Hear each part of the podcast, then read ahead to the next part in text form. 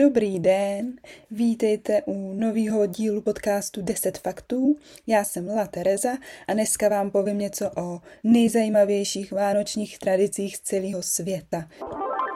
Velmi zajímavý jsou často pokrmy, takový ty jako tradiční nebo takový ty, co mají něco jako znamenat, tak různý pokrmy prostě z celého světa.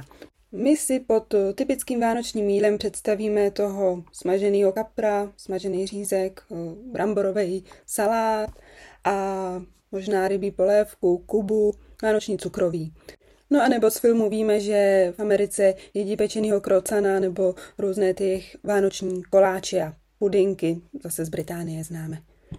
Ovšem v takové jižní Africe se děti i dospělí těší na úplně jinou pochoutku a to jsou prosím pěkně smažené housenky.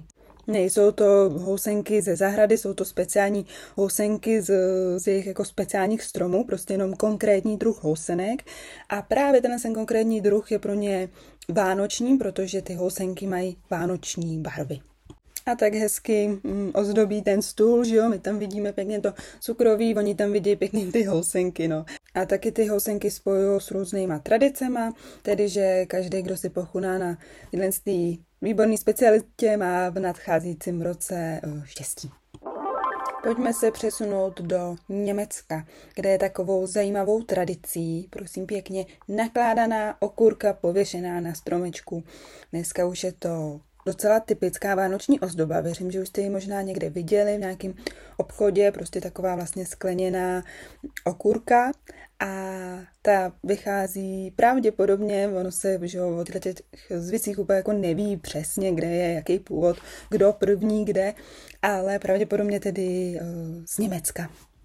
No a mají tam kolem toho i takovou tradici, a to, že vždycky večer rodiče pověsí tu okurku na jejich vánoční stromeček a vzhledem k tomu, jak je sama ta okurka zelená na tom zeleném stromečku, tak není úplně jako vidět na první pohled. A ráno o Vánocích, kdy ráno ty děti vstanou, tak právě běžejí ke stromečku a hledají tu okurku.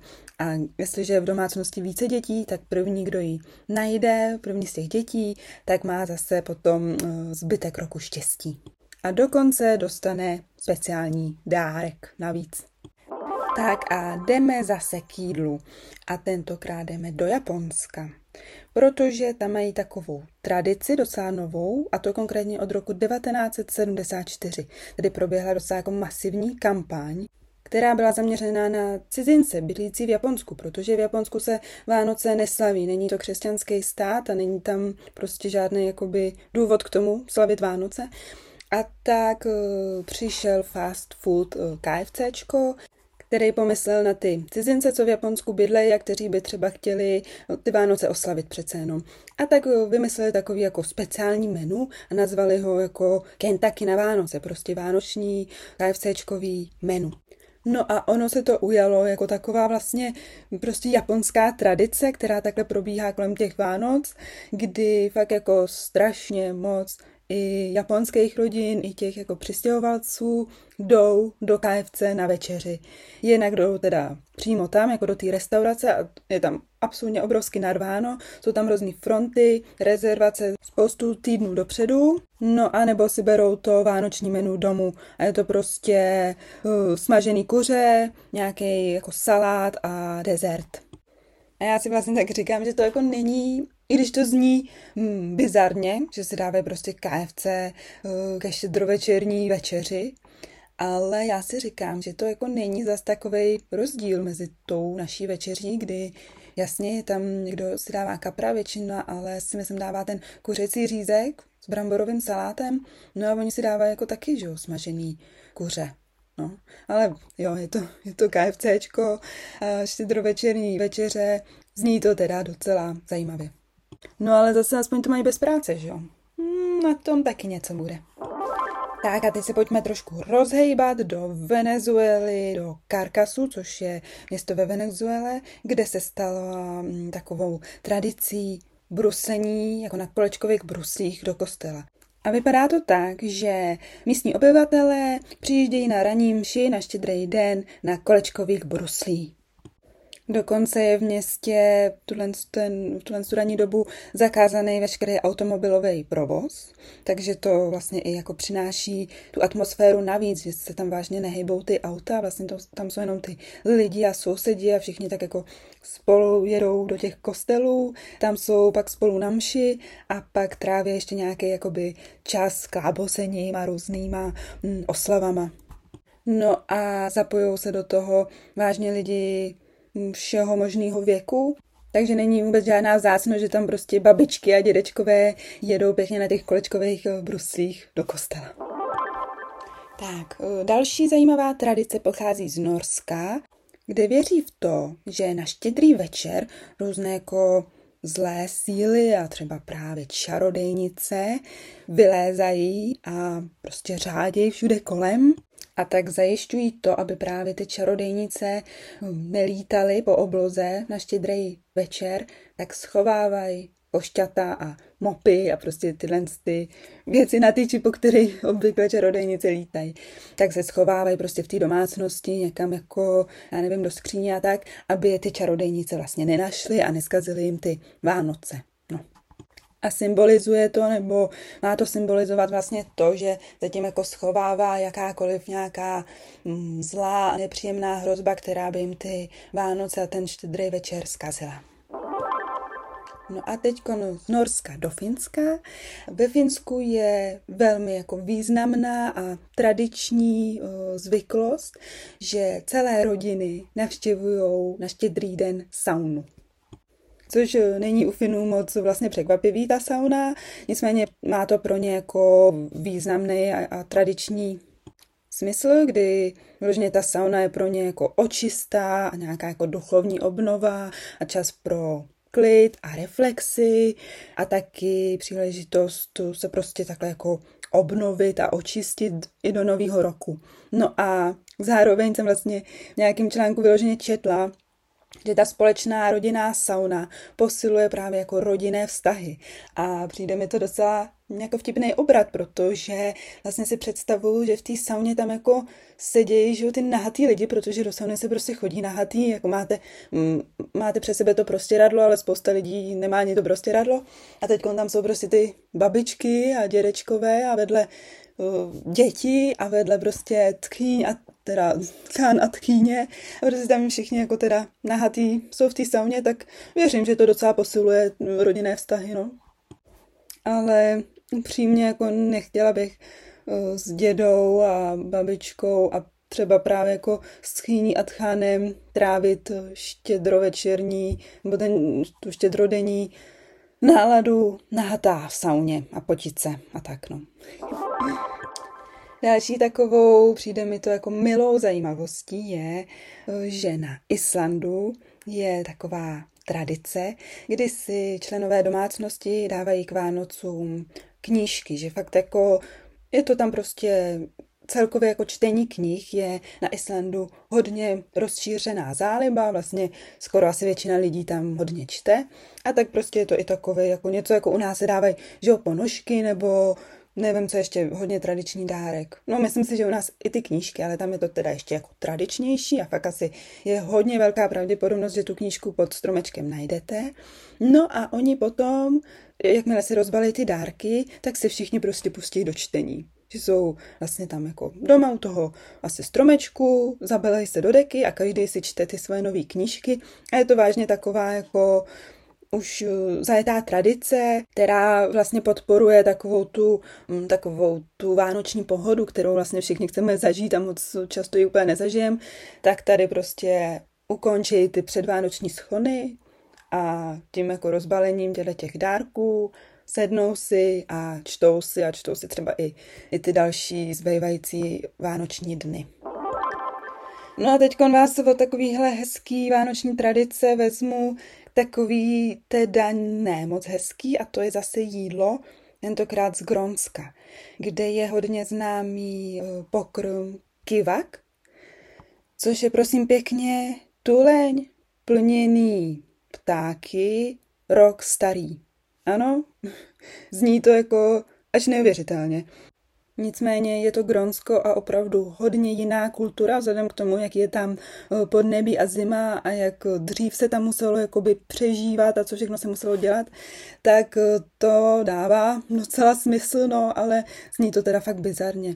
Eh, ten sem pokrm vzniká tak, že se právě už jako spoustu měsíců předem, dokonce někdo až rok předem připraví tuleň, vykuchá se, pochytají se mořští ptáci, aukové, a ti se jako celý s peřím, zobákem a se vším se dávají no, dovnitř toho tuleně, pak se to celý schová někam pod kameny a tam to ty měsíce dlouhý jakoby fermentuje, jakože nakládá se, no možná bych řekla až jako plesnivý, nevím ale pak se to takhle jako o vánočním období vyndá, nějakým způsobem se to naporcuje a je to pro ně vážně jako taková no, významná pochutina. Hledá se, jestli to opravdu i e, dnešní obyvatelé Gronska dodržují a našla jsem, že, že ano, že to je prostě oblíbená e, zdejší tradice a že dobře, nějaký jakoby mladší rodiny už to úplně asi tolik neřešej, ale takový ty jako vesnický a, a starší generace a tak, tak ty to hezky pěkně dodržují a prostě chtějí to tam jako zachovat, protože to tam má hluboký kořeny už prostě mm, z dávných století. A teď pojďme ze zimy do tepla. Vlastně ve velké části naší země koule je o Vánocích léto, teplo, moře, slunce, nádhera.